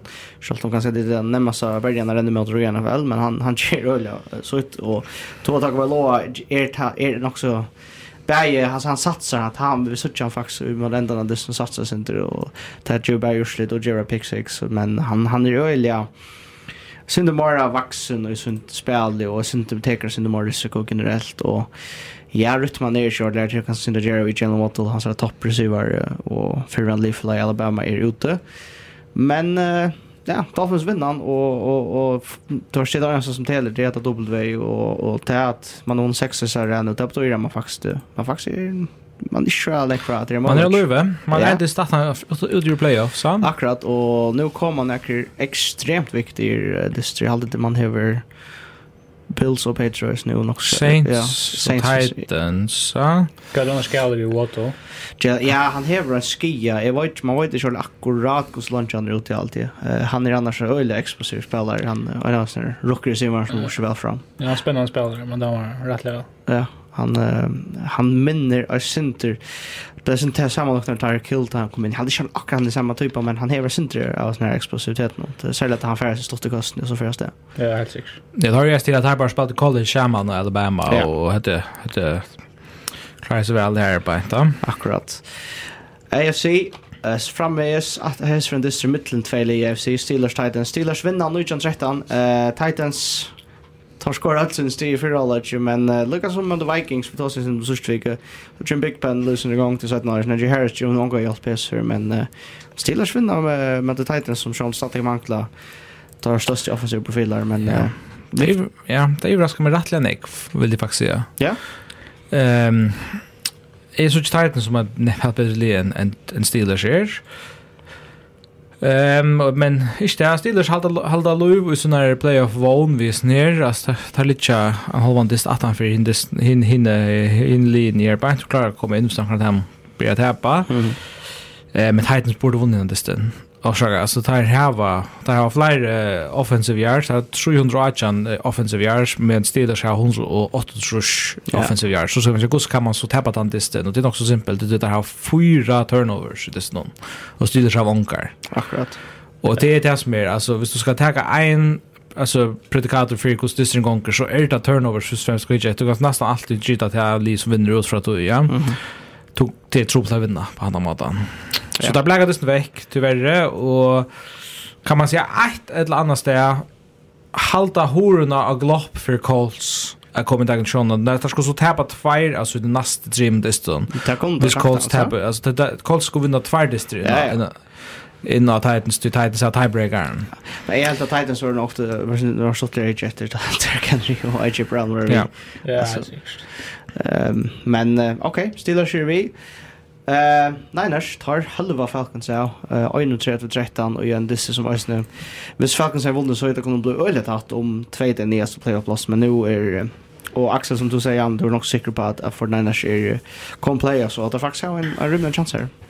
Ja, det där viskas som att här finns en uppskrift och på också som rycker här ja. i San Francisco. Eh, till det är att alltså Jim G han han kan leverera man kan säga helt helt mer gott kan eh och göra ja alltså det är inte 400 yards och 5 touchdowns Jimmy G för att kasta för i det men alltså det är 200 300 yards and 2 touchdowns och ongar interception ongar failures till till det som det är det han kan göra. Ska blaga på bollen till Kissa va? Ja. Ja, eller Joe Depo han. Eller Joe Depo han och till den här som säger att run game ser bara ut loud. Att ta kör bara väl. Alltså ta running back. Det här vet jag inte jag klarar inte en gång att uppramsa att running back som ska ta han gör. Alltså till er en allt är på sin femte fifth string running back eller ett landa eh och lugga väl häver han i 100 yards Och då det på som Eisner kan han har vi vet man för mest rushing yards nästan där månad för rushing touchdowns alltså. Ehm så tar run game Rickard oavsett för tar running back er. Och så är väl han nästan bara öliga stärsk. Ja. Tyron så heter här är lika som ett li som som har en mat att spela på som kan bliva nok så farlig i en playoff diste. Alltså jag skulle ja. jag vet inte så att box eller Cowboys eller Cardinals så möta här det är inte mega hyggeligt. Alltså det är inte shootout du spelar mot Fort Niners men Fort Niners skulle sagt att vinna mot Cowboys men ja. Ja. Är alltid detta lika men alla sen gjort en på eh på nu här vinner då inte vart men i allt kommer vinna. Det är rätt att han det alla på packs för göra och Jo jo jo. Du har ju att lämna det så ja men jag tar ta vinna på field goal ända med packers ja men men alla på på nu eller i januari men är är samtidigt där. Är är alltid att det här också är rätt säker på att de gör så där på Leot. Och så bara spår ni för det sista plus ju igen men det här för Falcons nog inte. Nej, det är nog kan säga att vi tar sista vi skulle vana att Haimon alltså för att att, att litcha vi i i till med playoff plus. Tajinjan Falcons. Oh my god, on the one alias. Ja. Alltså Matt Ryan han är ju chef. Han är stad dansa. Ja, alltså det, och och Cordell Patterson för inte några på sjur häst för om några är det att han. Ja. Nej, eh men eh hvis vi får i rätt AFC och Browns Raiders som är en, en öjla viktig distro i trash quality. Ja. Bara jag har missat sin del. Distro blir, distro blir en flott rush av, av corona. Han skulle vara layer quality men ja, Browns manglar manglar folk och tappa uh, 14-16 en öliga tungroser på några månader. Jag måste först främst säga att att uh, hvis Roger Goodell sitt lusha till sändningen som är inte tycker jag. Nej. Jag är öliga gärna vill jag säga. Han säger alltså klockan 5 Eastern time this month alltså månad det är. Det har vi faktiskt haft fram ett helt det alltid jag ska jag sitta hit alltså kunde hitta den NFL så en månad kväll utan att det är mitt om natten.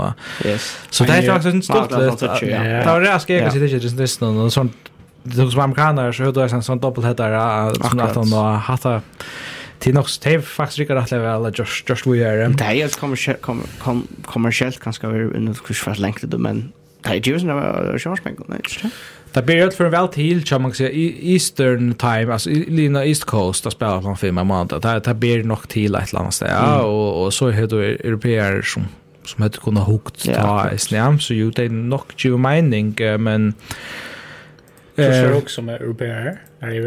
Ja, det är nog så stora matcher så där mer och mer kanske ja. Det är det det man kanske inte av, men sånt alltså. Men Men det går så alltså Raiders show district ganska. Ja, alltså alltså Raiders är löv och och faktiskt väl vill det ändå. Ja, Eh, nu ska jag säga att det var en expert för då den coronastövna, det tog det som blodsätter och av spelarna som var ute där Baker Mayfield. Så så ok skriva man så Nick Mullins var quarterback. Så jag var då klar till att för att sätta mig i resist och där som säger ja, fighta sig det Eh och så var det Nick Mullins som sa ah Nå, vi tog slunch han spännande. Och det är var spännande alla tror där. Alltså Browns spelar super gott i världen. Ger onka filer i alla upp någon och så satsar där på att Nick Mullins kan leverera akkurst. Och det ger han på en dag. Ja. Mot ändan dess någon vi ett ett touchdown drive här och lägger där åtta. Akkurat. Så störst credit till han eh men oha oha alltså Temo Egras Egras Snake i Cleveland om man alltså man var så tatt på att ägaren det stod ju hej man så är man lite mer aktiv i. Ja. Så det Cleveland Browns på ju att oil nummer ett. Så det är alla. Och nu lite att där ett annat steg här och tar chanser att komma alltså i playoff är neck neck minne. Alltså här är nummer 11 i AFC till något nog så långt från fyra till elva. Och det säger att det kan som man täpper sig snar innan nu så att säga och i konferensen alltså AFC med AFC som, som kommer att kosta mm. nog snäck. Jag har blöja där jag klarar den bulten Browns alltså. Ja. Jag raider stega en löp någon chat kör jobb alltså. Det är inte front alltså front. Nej, men nu nu jag ska inte flänna det. Jag har faktiskt inte målen faktiskt alltid. Det är nu så här om Kadister tar spalt i Niners ta Jimmy var ute, ja. Alltså fin alltså helt okej okay, alltså något ting uh, bättre än en en Glenn så. Alltså jag jag har alltid faktiskt men men Jag har alltid ikke at Cleveland Browns har vært någon goda kom playoffs för att pura eller. Jag Jeg jag har alltid jeg vet ikke om jeg er vant oss Real när jag åt imorgon. Eh men jeg har alltid bare bara att jag har hängt att dem som ikke jag körde fungera och till play calling till quarterbacks till faktisk receiver altså... Ja, det är han. Ja, alltså Landry är okej possession receiver uh, slants och Lotta slants och sånt. Uh, people Jones loftar han länka bult men och jag tror en joke och Titan som skulle kanske bli det helt större han han är fin han går nog under stund men ja ja. och så att det här och det är till alltså så här för jag tar se han fraser och så spelar han så blomstrar han åter nu i Los Angeles till till reflekterar inte väl på det och tar man också sitt efter också att att det här är yngst att att det går ut en chans att säga att kunde det vara det Lysen det kostar att kunna brukt han bättre. Ja? Akkurat. Ta det hött igen. Men det är det är man ska kompani som hålla att playoff eller och så som som du säger alltså som tar sig alltså tar till alltså vissa ska rigga dröm så är det running game och Rivers ska ta det skickar alltså ja det är riggar alla väl och gör alltså running game men det är robbars bara stäcka knappt ja och Raiders så blev vi vi heter vi vet kanske vinna tappa vinna tappa där det ska som tar det sin syngande men vi tar lukka det samla myndna nu om man løte vi skulle bare halt en sløyfja Bears Vikings som vi hukte jeg løte og i sånne faktisk ta och det var också Ja, sen Netflix ja, och det är helt omgående ordentlig vanta cha Tja Vikings. Där gör det största gulla. Och Matt Nagy han han sa att i Chicago och kött för att komma ändå. Det det tog ju själva men de var annars helt om här är det några ting som bara inte fungerar tja, tja Bears med Vikings. Uh, Vikings har flera strange spel på. Tar, tar kunde, tar kunde, tar kunde bli spännande. Tar kunde där i playoffs. Särskilt vi Alan Cook, men jag vet inte. Det är samtidigt där. Så när Bears, jag snarare inte gå över lunch eller så. Alltså, Det är länge sedan jag såg där som... Ja, alltså först har jag högt i NFL, ta 2006, ta kom där Super Bowl mot Colsa, men finns det som Super Bowl-tremaning som man vinner. Ta här var det ett nästan sövliga och värre eh, Brian Urlacher og kampanjen i Mian Alibi er gysligt i quarterback där någon Rex men men tar kom så i playoffs uh, den Super Bowl och så var där i NFC Championship game. Det är ja det är så att det ordentligt har på på över tar han playoffs en tvärför så i han NFC vi syns ja. Ja. Ja ja. Men uh, AFC playoff race och vi hade kunnat se det till nu och till 18 midnatt vi såg att det skulle gröna alla de möjligheterna vi hade Eh men två olika som Joshua syns uppe i procenten här Axel och låt dem lukka tagga till sin jocken kvar där alltså eh vi ser lugga skött läs upp kanske Kathleen är alltså kanske Chiefs är vi tar Shaley ur AFC som kommer play oss Shaley ur NFC och och AFC är det kanske Chiefs som är första sidan matcher att ta som støvande nu tar få fri fist om för bakar runt och få hemma vart alla vägen till eventuellt Super Bowl tar det 24. Ja, det är faktiskt inte tjär playoffs. Men men helt gott att vi kunde vi det nog allt tror chans om att ta en nummer ett här bara. Akkurat. Och så blir det långa blå August vi att ni hela innan. Patriots är 25 tar konstant att en utan vidare. Titans är nog 25 den här linjen som akkurat tappt. Bengals är 8 och 6 och hette så tar fyra divisionsvinnare som jag nämnt av oss här, som det ser ut nu. Så kommer Colts 8-6, Chargers 8-6, Buffalo Bills 8-6, og så er det Baltimore Ravens på en låten for 8-6. så er det Steelers som har vunnet tjej, tappt 6, og så javna øyn, og så er det fyra lia træt som har hava eh kvart vunnit eller tapt Mara Dister eh till säga Trillismas er Shay og Shay Oakland nei Las Vegas Raiders Miami Dolphins Cleveland Browns Denver Broncos till säga Denver Broncos ja. 13 L 13 L snurr linon uh, och i AFC att de 16 är har inte en losing record. Till, ja ja och är en alltså mega ja, så en till starta är innan för en till start playoff fam ja. och det tror jag vi grejt ja ja så fantastiskt då Så ja alltså och att jag förra lyssnade till Jön här och det sista tre platserna ehm um, Och tackar det lyssnar till jöknen nere.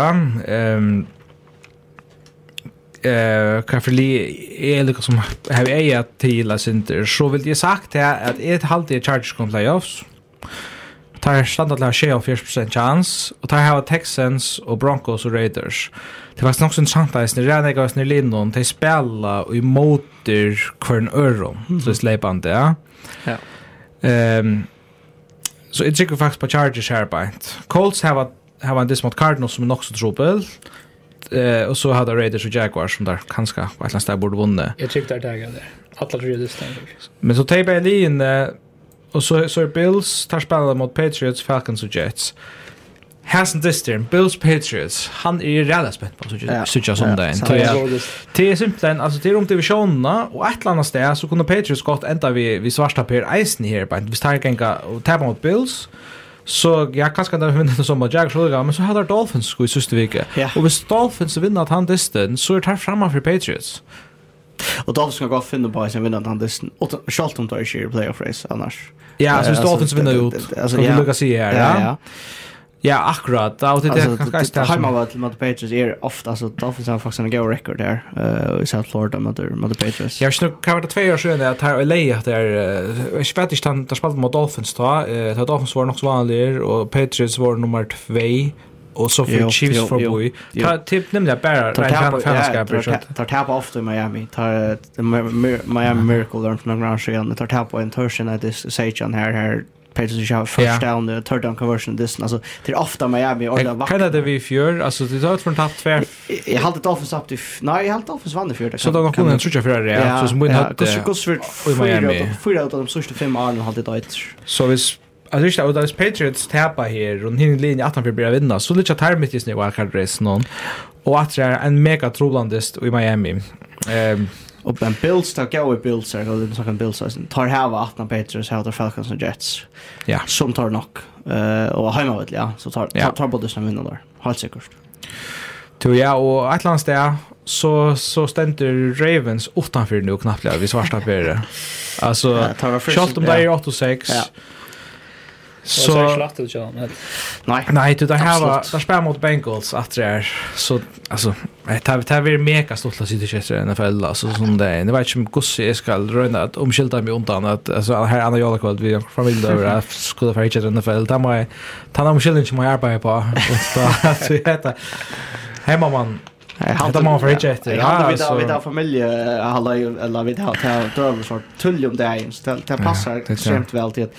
Jag har inte eh lekt fra ut att jag fyllt i NFL haft eller vi är så spända på det så stjom för något och det ångat vi så tatt eh och tog tog in hade vi där sen det alltid för eh och ett git där vi sitter att man vi och vi också miljoner så det synte klokar. Eh men vi är också näck lite løyde jag jeg i mån till till det stadigt sånne scenario som, som, som kunne hända. Ja, og at det er Ravens der har nok så trolig dyster altså der er prosent på en utstand til 60 prosent. Så det er nærmest 50-50 ja. eh, du tar spela av utvært mot Bengals, og så ska spela mot Rams og Steelers, og selv om, altså, hans distri kunne godt være en sort win and in, vi kan godt se nekker sånne her distri her til Søstad, Og ovan så vil Steelers nok øde gjerne gjøre et løsurs for, for Ravens ut i Disney, ovan. Helt sikkert. Bengals, som sagt, Ravens, og så spiller her gojotne mot Chiefs, at han nå til, og så imot Browns. Alltså är man inte kända divisionen lucka tar vi för en video att. Det trick vi att alltså Bengals Browns och Ravens och Steelers. Ja, hitches inte på ett Ravens och Bengals på nu AFC North. Browns tar hava Packers av utevøtle, eh, det er veldig. Og til er must win orsaka hvis du skal halda Louis i arbeid, og så du er mot Steelers, det er eisen trubbelt da. Og tar skulle liksom nærmast vinna på av Disney, og tar skulle ikke ha en chans her mot der Bengals i søste vike, men det gjør der til, så er det mega nek vi, men bare nu stendt tar på til å være 15% hvis man ikke etter. Og kan du spyrja spyrre mot det prosentet, som du er helt ættir og som kvann lima møter? Ja, det det menar jag det. Ja, jag nog sen nog sen jag slår upp att hur nämma att ringt sketch alltså browser har extremt svårt eh och och och stilar som du akkurat som nämnt till hur nämma ett öle svårt sketch då. Ja. Ehm och så kan jag marka med den här på inte alltså Jeg trykker at uh, Raiders og, og Browns tar, tar kom ikke uh, så gjerne hans ned, heller Broncos.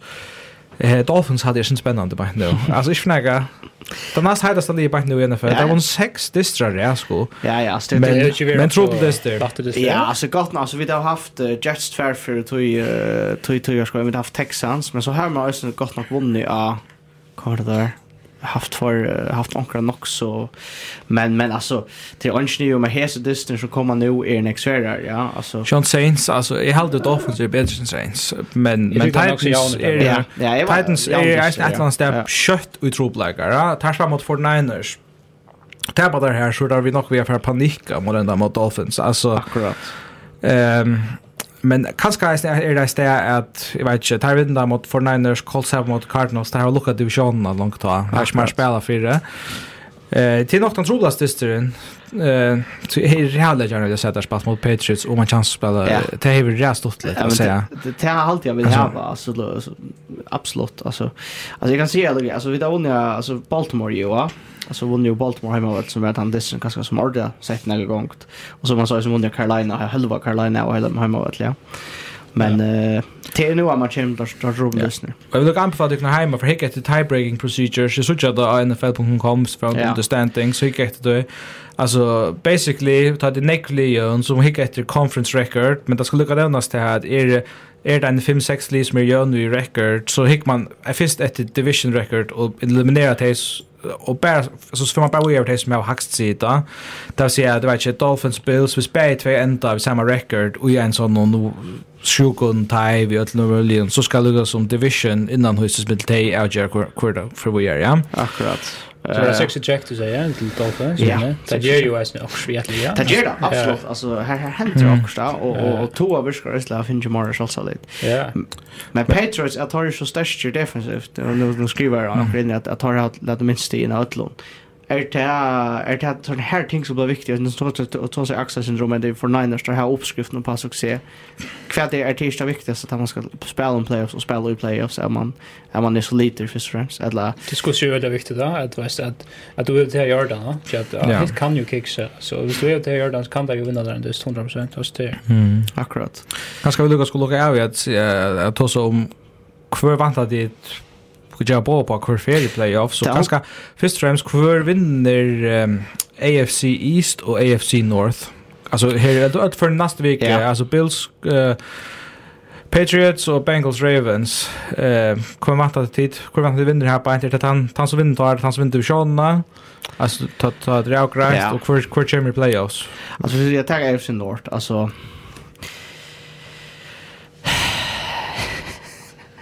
ta, ja, alltså jag, jag har nämligen som du säger, alltså han som vinner dysten eh uh, i Cincinnati som det han han kommer playoffs. Bär alltså men men alltså Sean det vis Bengals vinner så kommer Ravens inte från där. Nej det är så så så blir det shit.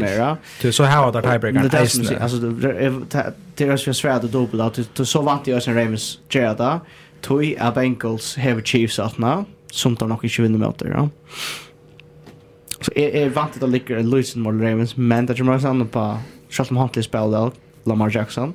Det kommer an på vad det man alltså kan kan förslä jag var faktiskt inte släda det där blue det Bengals har skiftat mellan spalt high scoring games och spalt low score alltså det kan vara 8-3 3-3 och så knappt lever 15 touch ja. Men här när man som som man spelar i NFC Nord om vi vant att han tackar för en skirga och sändning han har med och han spelar om vi vant att Cleveland kan komma playoffs. Nej. Nej, jag tycker helt inte vad jag ser. Utan så där får han chans att träcka en annan quarterback. Baker Mayfield. Baker Mayfield. Så kanske det han en chans. Som som en tack som säger han utvalt mot Packers, utvalt mot Steelers och Bengals. Så det tycker där skulle alla helst alla tror Till schedule, det till schedule och det att det känner störst all upp som Gerda. Nej, jag tycker mot där där ska se alltså. Där har han lite chans och chansen är där till att det är schemonen med last linje så gigantiska sorry, men han hade det här liksom ja, en tycker mer på Bengals så.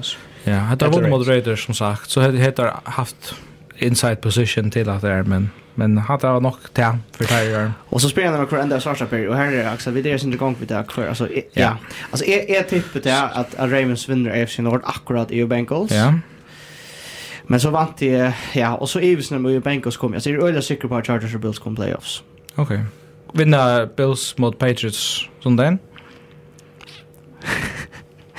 Han vinner Falcons och Jets. Eh, men där här mot Patriots? Eh, vant att vara en overtime dyster som jag vet inte vad vi har för. Jag tror yeah. jävligt att säga hur vinner det. Men jag vant att det är och Patriots och Titans lite så hög procent. Ja. Så jag vill säga Patriots, Titans, uh, Chargers och Bills och Ravens på nu okay. som procent så Colts säger. Men visst ja, Colts för åt eh orsaka orsaka på jag behöver nej nej det Nej nej nej. Alltså tack ska jag kunde komma vid det här ska göra. Nej nu nu säger det förtulla. Kan jag säga att det är Rockney Bengals som är som vi är på grund av Joe Burrows. Och där vet mot Ravens gör sån där. Alltså eh jag har förstått. Alltså Patriots komma Titans komma och så fer det litt her mitt altså i GDS Chargers kommer, Så bara kart, ja. Ja, och så är det, och så för det lite med Bills och Colts. Alltså, hvis Bills tapper med Patriots, så hettlig Lloyd och och Colts vinner Samson så gör såna. så ser Colts. Så so Colts, Chargers och Ravens er wildcard linja där. Eh, ja, på på nu, men uh, det kan brøytas, det ligger med Bills och Chargers her. Eh nej och Colts och sådär. Chargers har suttit för för nämnt nämnt schedule till helt andra gena vittar. Och och till att Evantia Ravens är akkurat den största men hinner vi att Bengals vinner så vant jag sen Ravens ut. Så alltid så så kommer det playoffs. Ja ja ja. Och vi ska ge oss shout Eh en av de linjerna som är lam så väldigt sjön de Miami Dolphins men det är mer vi gärstar när vi nu då och touch to ser att att Bengals vinner mot mot Ravens som den men så tar vi något sånt till där eller tar vi skolan gå kan kanske vi Patriots och Bills. Hur vinner där Ja, det blir en fight just. Det du har det jag, jag, är råknar vi att Bills tagga. Jag vet inte hur, det är bara, det bara men det som är helt bra där är bättre. Ja. Alltså, jag kan ju för oss vapnen kommer igång och så kommer hon alltså. Ja. Och så då hin wildcard linje så där. Ja. Det kan sägas special doesn't rätt över stern. Alltså jag ser alltså är rockning i coachen vi är. Ja. Så Patriots wildcard linje ganska och så ena träd. Ja. Eh. Uh, jag var Jag vet inte, skulle jag säga Speciellt Dolphins. Ja. Ja. Så ja, jag vill lucka säga att jag vant Bills vinna mot Patriots. Det gör jag faktiskt. Jag hade där ska jag ta där nog ett landstäv vi att att att sig samman. Eh jag hade där är bättre än Patriots. Eh schalt om tar i öliga hänger av Josh Allen. Och tar vi det rädda gärna hundan och det stöd i Buffalo. Ehm Ravens trick jag vet inte jag hade det till Lamar inte är 100% vi är Ökland så så vant är faktiskt att Bengals vinner där. Ja. Och det är nog det här vi tror det nog för väl att landet att Baltimore Ravens så näck som är inte vill se det så trick vi faktiskt till Taver till och så har Eisen Rams och Steelers efter Ring schedule är rent fair då hade det eh Chargers kom playoffs Colts have a schedule som som som det är nog så favorabelt. Eh Jeg synes det er til å si at jeg er Dolphins vinner ut og smida Patriots ut ur snir. Ok, ok. Hatta ta hatta chepa ut. Ja. Hatta kun gott leva vi. Så vi så ständer så stannar vi detta vi ehm eh Chiefs og Titans og Bengals og Bills og så er Colts Chargers ett play och Dolphins är play i wildcard linjen. Han var alldeles rätt tvist Ja, faktiskt nog så nog så. I allt vi tror inte att vi får göra kväll det är vi får lägga smit att där boyn av NFL för att och try när så kunde folk under och Geo så inne på att det skall vilja. Och jag så också se att det är lugnt så nu var jag säker på Patriots side. Visst Patriots har mot Bills. Visst Titans har mot Niners som öle vad kan hända bäge så kan man ta sig ganska den synd om ett annat tänk att att att blir något farligt och tror som sagt Berlin att tagit sig. Men vi kan att de speglar runt out och inför för fra kon här. Jag ska lucka Jag ska gå så en halsa fra fra Arnar er han matar så Bengals skimmer i playoffs och så inte nice and talk att lucka vi finalplatsen playoffs Ja, fantasi. Så det är ju nog att han bossen. Eh och så spelar han nice and talk skimmer av en omtrona nästa tower var ju som tog väl svära på här för jag tar mikrofon. Nej, det det är ju så.